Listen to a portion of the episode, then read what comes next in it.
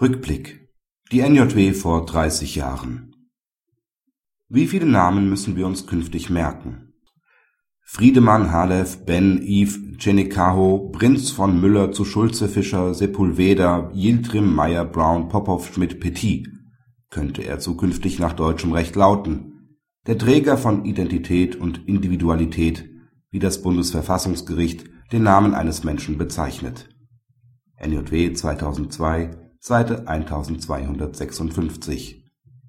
Denn derzeit beschäftigt sich das höchste deutsche Gericht mit der Frage, ob es verfassungsgemäß ist, dass § 1355 Absatz 4 Satz 2 BGB es verbietet, einen kompletten vorehelichen Namen zu einem ehelichen Doppelnamen hinzuzufügen (sogenanntes Verbot der Drei oder Vielfachnamen).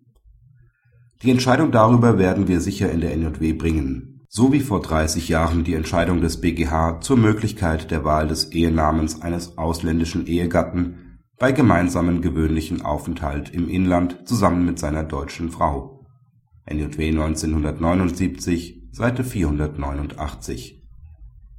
Namensrecht ist ein Dauerbrenner.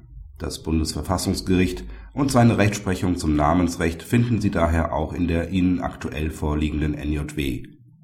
Kiran sollte ein Kind heißen und durfte es bis zur auf Seite 663 abgedruckten Kammerentscheidung nicht.